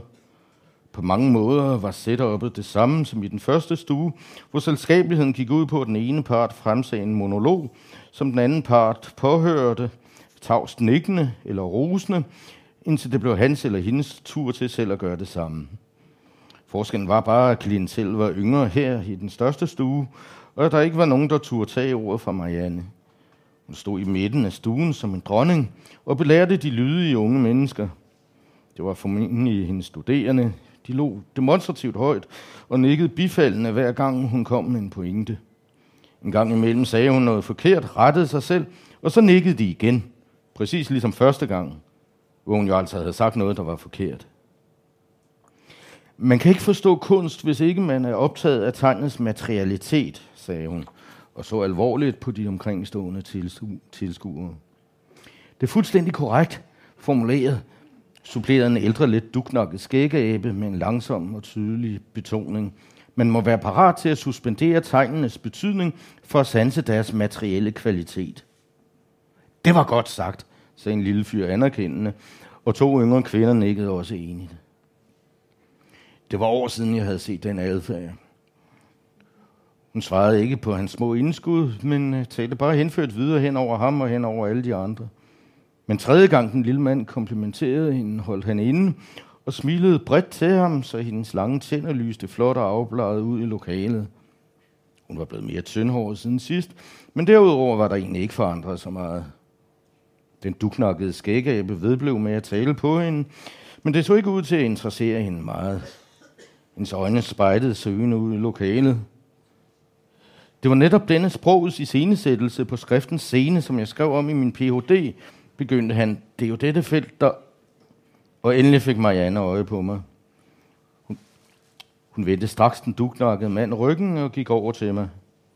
Jamen, det er jo Jesper, lå hun, som om hun står over for synet af noget meget uventet. Jamen, du skal da også være meget velkommen. Hun så op og ned af mig, som om jeg var et mærkeligt fremmedlæge, der var kommet ind ved det uheld. Så konstaterede hun, at jeg var tomhændet. Hun smilede endnu bredere og strøg hurtigt en hånd gennem pagehåret og stillede sin drink på bordet. Og du har slet ikke fået en gratis drink endnu, har du? spurgte hun og indbød. Kom med. Og jeg gik sammen med hende ind i et andet værelse i den enorme lejlighed – hen til det fjerneste hjørne, og barn, som var et langt, smukt spisebord, der måtte have kostet en formue, dengang de købte det i antikvitetsforretningen. Det var fyldt op med flasker, og der stod en ung fyr klædt ud som bartender med hvid skjorte, ærmeholder og butterfly. Jesper skal have en gratis velkomstdrink, Anders, sagde hun. Og da jeg kiggede nærmere på bordet med de mange flasker, så jeg, at der stod små prismærker overalt. Gin, 20 kroner. Tonic, 15 kroner. Citroner, gratis. Alt var der pris på, og der var professionelle målebærere, så Anders ikke risikerede at skænke mere op til gæsterne, end de havde betalt for. Marianne havde allerede mistet interessen for mig, og var igen begyndt at spejde ud i lokalet. Hun havde vel opdaget en redaktør eller en lektor. Hun slog undskyldende ud med armene og pegede i retning af den store stue og sagde, vi snakker senere, ikke? Der er lige en her, jeg skal sige hej til. Og inden hun forsvandt, tilføjede hun, og glæd dig til, vi skal ud, til, ud på tagterrassen og grille pølser. Så kan du købe hotdogs. Og øh, i sådan en situation er man jo, måske er vi formodentlig alle sammen sådan til på til at blive enormt glade, hvis der er et menneske, som bare har lidt humor, giver lidt fra sig selv, og, og, og ikke er fuldstændig sygeligt fornæret. Og det er så her, han møder øh, den her kvinde, som øh, er lille køn, og, og sådan lidt underlig, når man snakker med en, men som har meget humor, som først og fremmest roser ham, øh, som han så forlader den her fest sammen med, og de går igennem København, og øh, alt det der, alt den der trang til, til kærlighed og ømhed, og alt det der fortrængte, øh, kommer op i ham, og de begynder så at indlede et forhold, hvor... Øh, Jeg prøver at, at skildre det, som vel også vi, de fleste af os har prøvet, at vi får komplimenter. Det er selvfølgelig altid rart. Nogle gange så kommer der nogen, hvor vi godt kan fornemme, at nej, det, vedkommende har sgu ikke helt rent mel i posen. Altså, komplimenterne er så store, ikke? Altså, de kan også med så store, det vil i sig selv også være alt for meget, men altså, så meget der øh, fuldstændig grotesk, men alligevel har vi en tilbøjelighed til at tro på det, for det kunne jo være, det passede. Øhm, og det er så det, der er lidt af, af motoren, at øh, hun øhm, altså endelig får den der anerkendelse. En kvinde, som synes, at jamen, det skulle da fantastisk, at han starter øh, dagen med at ryge en kamel uden filter. Altså, du er sej, ikke? Og, og de går ud der med Hansen ret øh, hissige alkoholforbrug, så siger hun, det der er så skønt ved dig, det er ligegyldigt, hvor meget du drikker. Du, du bliver aldrig dummefuld. Du holder stilen. Det kan jeg godt lide. Ikke? Og roser ham journalisten øh, Henrik Vesterberg, der, der vi lancerede bogen i Litteraturhaus, det var det, der imponerede ham mest ved hele bogen, fordi han synes det var så absurd, og han vidste ikke helt, om han skulle synes, det var godt, eller det var komplet urealistisk. Brugte vi faktisk lidt tid på at diskutere. Fordi første gang, øh, hun er hjemme hos ham, så ser hun, at der er jo selvfølgelig en mand, som, som musikken betyder alt for, så det er ikke særlig godt indrettet hans lejlighed, men til gengæld har han en kæmpe pladesamling. Ikke? Og det roser hun ham så for Godhart og Hu og Sparks. Jeg synes at det havde han, ville han skulle se, før han troede på det. Altså, han personligt havde aldrig nogensinde fået ros af en kvinde på grund af sin pladesamling. Ja, den synes jeg godt nok var, var lidt, lidt langt ud. Men altså, herefter følger så øh, øh, beskrivelsen om det her umage par. Hun er jo selvfølgelig meget øh, yngre end ham og også har en masse ting, hun ikke vil sige, og der er sådan noget med, at øh, han må helst ikke ringe til hende, og det er altid ham, det foregår hos. Øh, hun siger hele tiden, jamen vi kan godt mødes hos mig, men det er ikke så godt lige nu. Og så på et tidspunkt siger hun, at, øh, at nu må de jo så desværre være lidt fra hinanden i et par uger, fordi hun har fået et job. Hun siger, hvad? Jamen, du ved godt, vi skal give hinanden plads og sådan noget, så hun vil ikke sige, hvad det er. Bortset fra, at hun skal til... Øh, til Strasbourg og Basel og Stuttgart.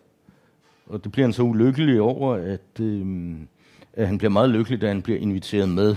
Så går der sådan lidt road movie i det, så vi kommer faktisk i den her Københavner-roman også ned til det der tre som er meget fascinerende, et meget fascinerende sted i Europa, hvor Strasbourg er den øh, politiske magt, man kan sige, Europaparlamentet ligger der med øh, menneskerettighedsdomstolen og en hel masse sådan franske ministerier. Schweiz, det er jo pengemagten, og øhm, øh, Baden-Württemberg, tror jeg det hedder, hvor øh, Stuttgart ligger, det er sådan industrimagten, der har BMW og Mercedes og sådan noget, og, øh, kæmpe virksomheder, deres hovedkvarterer. Og han, han fatter jo ikke, hvad i alverden hun skal der. Og det er så også en pointe og en chokvirkning i bogen, så det vil jeg så heller ikke sige. Men, men jeg kan sige, at kærlighedsforhold får også en drejning, og så ender bogen egentlig med det, som også gennemgående, hvis man så skal se lidt mere filosofisk på det, har været et tema. Øh, øh, og det er så igen det der med at blive 50, noget, noget af det forbandede ved det. Det er, at de valg, man har taget, eller ikke har taget, der begynder bordet at fange. Altså det, du ikke gjorde, det kan du så lige pludselig ikke lave om. Når man er ung, så tænker man, nej, altså, fuck det, jeg kan jo bare gøre det i morgen. Altså, det betyder jo ikke noget. Men der kommer sådan løbende hen i livet, altså når du er 21 og ikke er blevet professionel fodboldspiller, så kan du godt glemme det. Ikke? Når du er 22 og ikke har lært at spille på elektrisk guitar, så bliver du nok heller ikke en Peter Peter eller, eller Jimi Hendrix. Så det er der sådan løbende. Men øh, det omkring, sådan er det i hvert fald på en eller anden måde for, for mig, der, om, omkring de 50 der, så begynder man øh, det at gå op for en. Altså hvad det er, man har gjort, og, og at, øh, at det havde nogle konsekvenser. Og det bliver det så også øh, historien om, hvad det, hvad det var, du hvilke valg du tog, og hvilke du ikke tog, og hvad der sker, når så, øh, man faktisk bliver gjort opmærksom på, at nogle ting, som sker ude, udenom en, at øh, nu virker selvbedraget ikke mere. Altså, nu kan du ikke selv bilde dig ind, at det hele er godt, sådan som det jo også er en roman om, om en person, der gør, altså, er omkring 50, men lader som om han var 25 og som egentlig er et sympatisk menneske, men, øh, men som bliver kværnet meget af, af udviklingen. Og hvis der skal være tid til, til spørgsmål, så må jeg øh, stoppe nu. tak skal du have, Jan.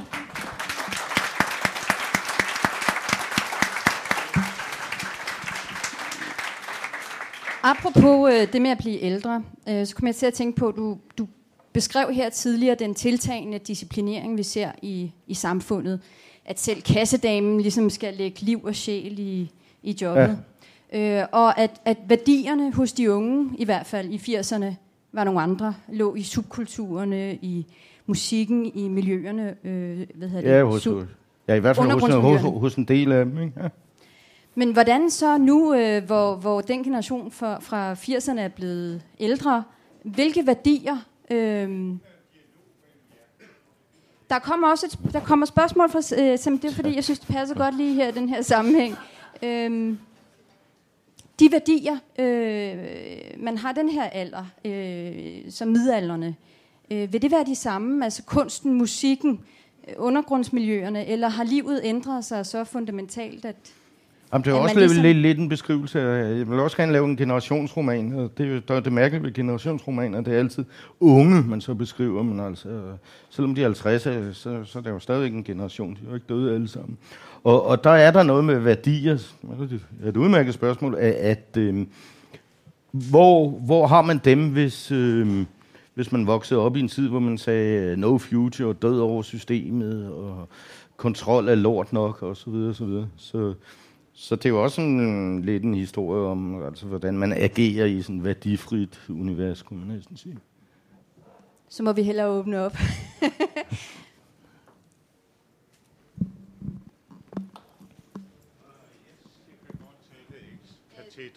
men vi, publikum kan ikke høre det. Der er uh, det er jeg temmelig sikker på, at det kan. Uh, det første, jeg gerne vil spørge om, det er, at jeg ved jo, at han har et uh, hadforhold til eks-marxisten. Til hvad? Madsen, eks-marxisten Peter Madsen, der har gennemgået hans forfatterskab. Og han hader ham. Og det er gensidigt. Ja, det gør Det var for universitetet. Nu kommer spørgsmålet. Der er lavet to Københavner-romaner. Herværk og Sardin. Hvordan synes du selv, de adskiller sig fra hinanden? Lidt subtilt spørgsmål, som sådan er, er blandingen af en fornærmelse og, og ros. Jeg vælger at kalde det ros, og jeg vælger at gøre det, da der er jo en chance for, at det passer. Øhm, men der er, ja, der er den, den forskel, at, øh, at Tom Christensens foregår i en helt anden tid, og så er der den helt fundamentale forskel, og det er det, der gør Herværk til sådan en fuldstændig unik bog, som hverken min eller ret mange andre bøger kan slå, og som virkelig gør den mærkelig, det er, at det er sådan en tyk mursten af en roman, og den er lige så spændende som en kriminalroman, som man siger med flosklerne. Men det er egentlig en lyrisk roman. Det er egentlig poesi. Det er så tydeligt, at det er skrevet af en lyriker. Øhm, og hvordan kan det lade sig gøre? Altså at lave suspense og reading for the plot og sådan noget i en bog, som i virkeligheden i, i meget høj grad er, er en lang lyrisk beskrivelse af København. Det, må, det er noget egentlig, jeg, jeg har tænkt på i, i ret mange år. Det er sådan, også givet sig udslag i nogle absurde ting. Jeg kan huske, at der er en beskrivelse af Jastrav og Johanne, hans kone der, hvor de lige ved ægteskabet er lige ved at falde fra hinanden. Og de tager fra Istegade og så hen til Koksvej. Og den beskriver i, i en drosje. Og den beskrivelse af, at farverne eksploderer, og det går hud og hast, og um, så kører de forbi en bygning, og så er der en fodgænger og sådan noget. Det er en ret fantastisk beskrivelse. Men jeg har prøvet at gå den tur. og det tager altså kun fem minutter eller sådan noget. Ikke? Øhm, og, og, og det er jo sådan lidt et bevis på, at det, der kører den bog, er, er jo beskrivelserne af sanserne. Øhm, og det er min jo ikke på, øh, på den måde. Og der er nu i øvrigt også Herman Bangs stuk. Men det er en af mine... Jeg har også skrevet forord til, til udgaven der på Gyldendal. Øh, og det er altså... Der, der var den der afstemning om århundredes bog for... Med, jo, 20. århundredes bog. Øh, hvor det var Kongens Fald, der vandt. Øh, og der stemte jeg på, på Tom Christensen. Jeg synes, det, det er en, en, en meget mærkelig og meget unik bog, og det, det er utroligt, det kunne lade sig gøre. Det er så også utroligt, hvordan jeg håber, det kommer til at gå min bog lige sådan, fordi den er, sådan, er virkelig blevet modtaget på mange forskellige måder af herværker. Den, den har jo overlevet. Det var jo hippiernes bibel. øh, der hvor de tog allerflest stopper, der var det jo rigtig godt med sådan en som Jastrav, som prøvede ud af jobbet og ægteskabet. Så drak han bare, men det måtte man gerne. Hippierne var, var tolerante. Ikke? Men øh, den blev også brugt som sådan en afholdsbibel i lang tid, og den blev jo så også brugt eksistentialistisk, ikke? Som sådan et, et eksempel på ond tro. Øh, så den har virkelig været igennem, øh, igennem mange tolkninger. Yes, øh, det er lige et spørgsmål. Du nævner selv den der øh, gentrificering, som det ligesom, øh, som øh, hovedpersonen Jesper bruger meget tid på at beskrive. Øh, og hele den her fremmedgørelse i det nye, sådan meget nye, ensrettede, disciplinære øh, øh, samfund. Hvad, jeg ved ikke, om den rigtige øh, roman tilbyder noget svar på det, men, men hvad skal der blive af den her øh, hvide middelalderne mand, øh, som man ellers forbinder med en meget øh, sådan stærk social gruppe? Ja, men det er jo netop det, man som forfatter gør sig selv en tjeneste ved at lade det spørgsmål stå åbent. Ikke? Det tænker jeg nok. Øh, og, og det er altså også det, jeg har prøvet med, med næsten alt, hvad jeg har skrevet. Altså øh, helt starten proces, hvor det så for eksempel er dig, som så øh, tænker ud, at ja, noget må gøres, eller hvad, hvad nu, nu, nu når frem til. Øh, det skyldes også rent teknisk. Jeg, jeg har prøvet sådan tidligere at så lave nogle slutninger, der var lidt mere øh, anvisende, didaktiske, eller hvad man skal, belærende på en eller anden måde. Og det er den mest effektive måde at slå en litterær tekst ihjel på. Og, og det var noget, jeg heldigvis jeg blev klar over. Altså, jeg mener ikke, at jeg har gjort det. Øhm, og det skyldes måske, at jeg blev klar over det meget tidligt, fordi der i Radiator havde jeg en historie, som hed Netto og Fakta, som handlede om en person, som kunne minde en lille smule om, om ham her, hovedpersonen. Øhm, men sådan en, som havde været bistandsklient i, i overvis, og bare sad der i sin lejlighed, og venner var der ikke flere af, og der var ikke råd til noget som helst, og, og det eneste besøg, han fik på en måned, det var en ven, der kom for at hovere og forærede ham en gammel fedtet brødrester. Og snakkede om, øh, hvor stor en pensionsordning han havde, og, og hvor god en deal han havde fået med, med vinimportøren og sådan noget. Altså alle de ydmygelser, den ender så med den historie af, af den her person, finder noget hash og prøver at ryge det, og han bliver ikke engang skæv af det. Altså, tragedie. Ikke? Så går han så ned ad trappen og ud på gaden, og så ser han så lige pludselig, at det er blevet øh, sommer, eller blevet forår, fordi øh, der lugter dejligt af nyslået græs og sådan noget. Så tænker han ved sig selv, der er kraftet med meget sand i Sahara, og så er historien slut. Og det jeg lærte af det, det var, at af en eller anden grund, så blev den meget populær øh, først hos præsternes efteruddannelse, som er sådan noget, teologerne skal igennem, fordi de lærer jo ikke noget om den rent praktiske præstegærning øh, på uni. Så de skal lære alt muligt om øh, selvforsvar og, og ernæring, og også lidt om litteratur og, og, og samfundet. Og øh, ham, der ledte det nede i øh, Løgum Kloster, han var vældig glad for mig, og spurgte om ikke, jeg kunne komme ned og læse den historie op. Og vi så tog øh, to timers debat om den. Og, og det ville jeg jo gerne, og det gjorde jeg flere gange. Og hver gang så endte det med, at de der præster, som i øvrigt var øh, meget interessant folkefærd, fordi det er slet ikke de der skinnehelige sataner, måske mange tror, det bare er. Altså, det, det er virkelig forskelligt. Fra, fra socialarbejderen, der har virkelig et hårdt job, som Maria-tjenesten eller sådan noget, tager sig af alle dem, som, som ingen andre vil snakke om. Det er sådan halvfarlige, sindssyge, narkomaner, luder og øh, galningen. Til sådan de almindelige bare embedsmænd, som gør, hvad de nu skal, og ikke så meget mere end det, til så øh, karrierepræsterne, der kun går efter de gode øh, præstegårde og sådan noget. Der.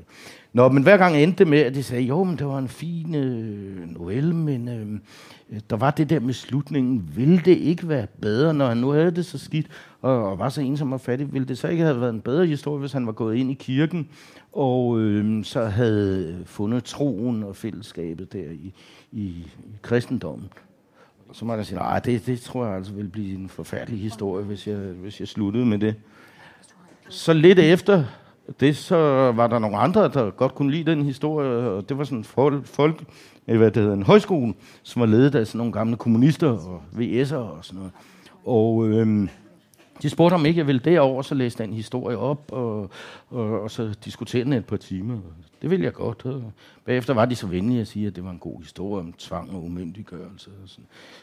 Meget virkeligt. Og der var bare lidt det med slutningen. Altså, han stod der, så, så bare tænkte, det der toget, altså ville historien ikke være bedre, øh, hvis han var gået op og så havde, havde ringet og meldt sig ind i enhedslisten eller SF.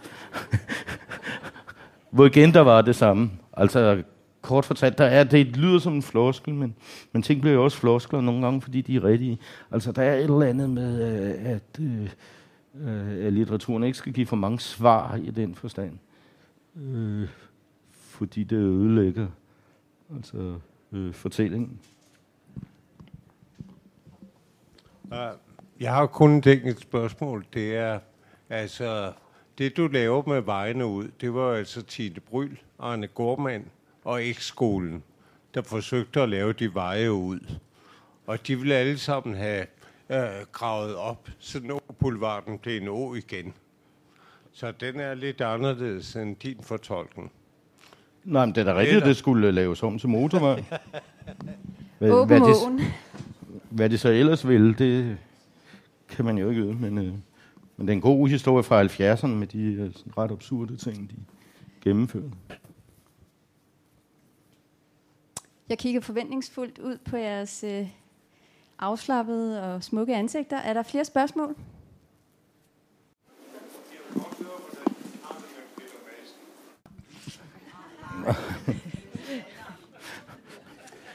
Nej, det er et, over, det er et overstået øh, kapitel.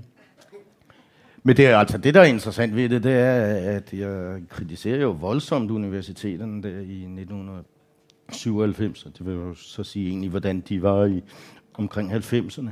Og der er altså desværre mange af de, de pointer, jeg havde, stadigvæk aktuelle, men der er også nogen, der er blevet overhalet. Og, og sådan som øh, universiteterne bliver, øh, bliver kontrolleret nu, og man nedlægger øh, øh, græsk og latin og alle de små fag, og øh, man dårligt nok kan læse russisk, hvis man vil. Og der er flere sprogfag, man kun kan læse på handelsskolen og sådan noget. Øh, så vil jeg bestemt ikke skrive det, men det, øh, kritikken var rigtig nok for den epoke, som var de der over, overvintrede øh, marxister, som øh, gjorde op med deres gamle professorer, men selv i virkeligheden endte med at blive meget værre. Men det, men, det, det er blevet en historisk kritik, fordi det er jo lige ved i dag, at man nedlægger professorater som sådan, og bare gør det til sådan en ekspeditionscentral for øh, selvvalgt læring, eller selvadministreret læring. Ja, jeg vil godt spørge dig. Du øh, kalder de, en af dine bøger Radiator. Det er vist nok den første. Og det har du forklaret nu, hvorfor den ja. hedder. Men hvorfor hedder den så Frysende Våde Vejbaner? Det, det er...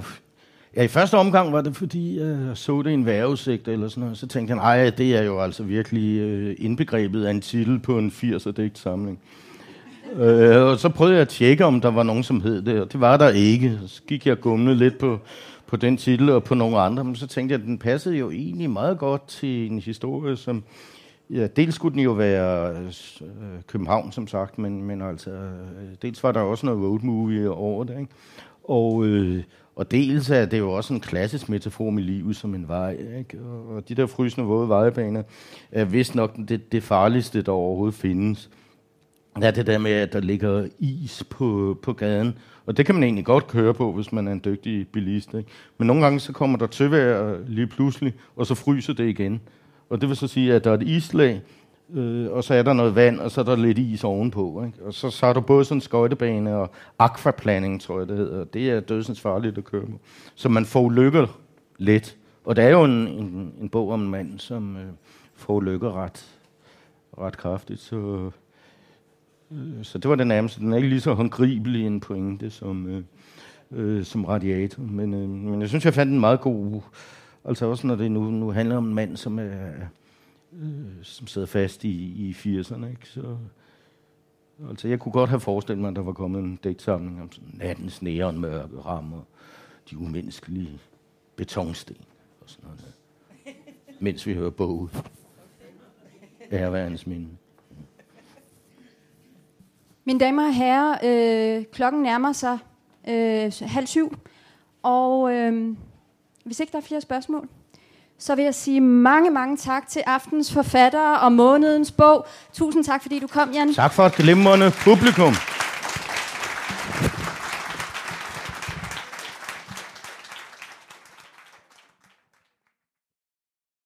Du har lyttet til et podcast fra Københavns Biblioteker. Du kan finde flere podcast på bibliotek.kk.dk-lyd.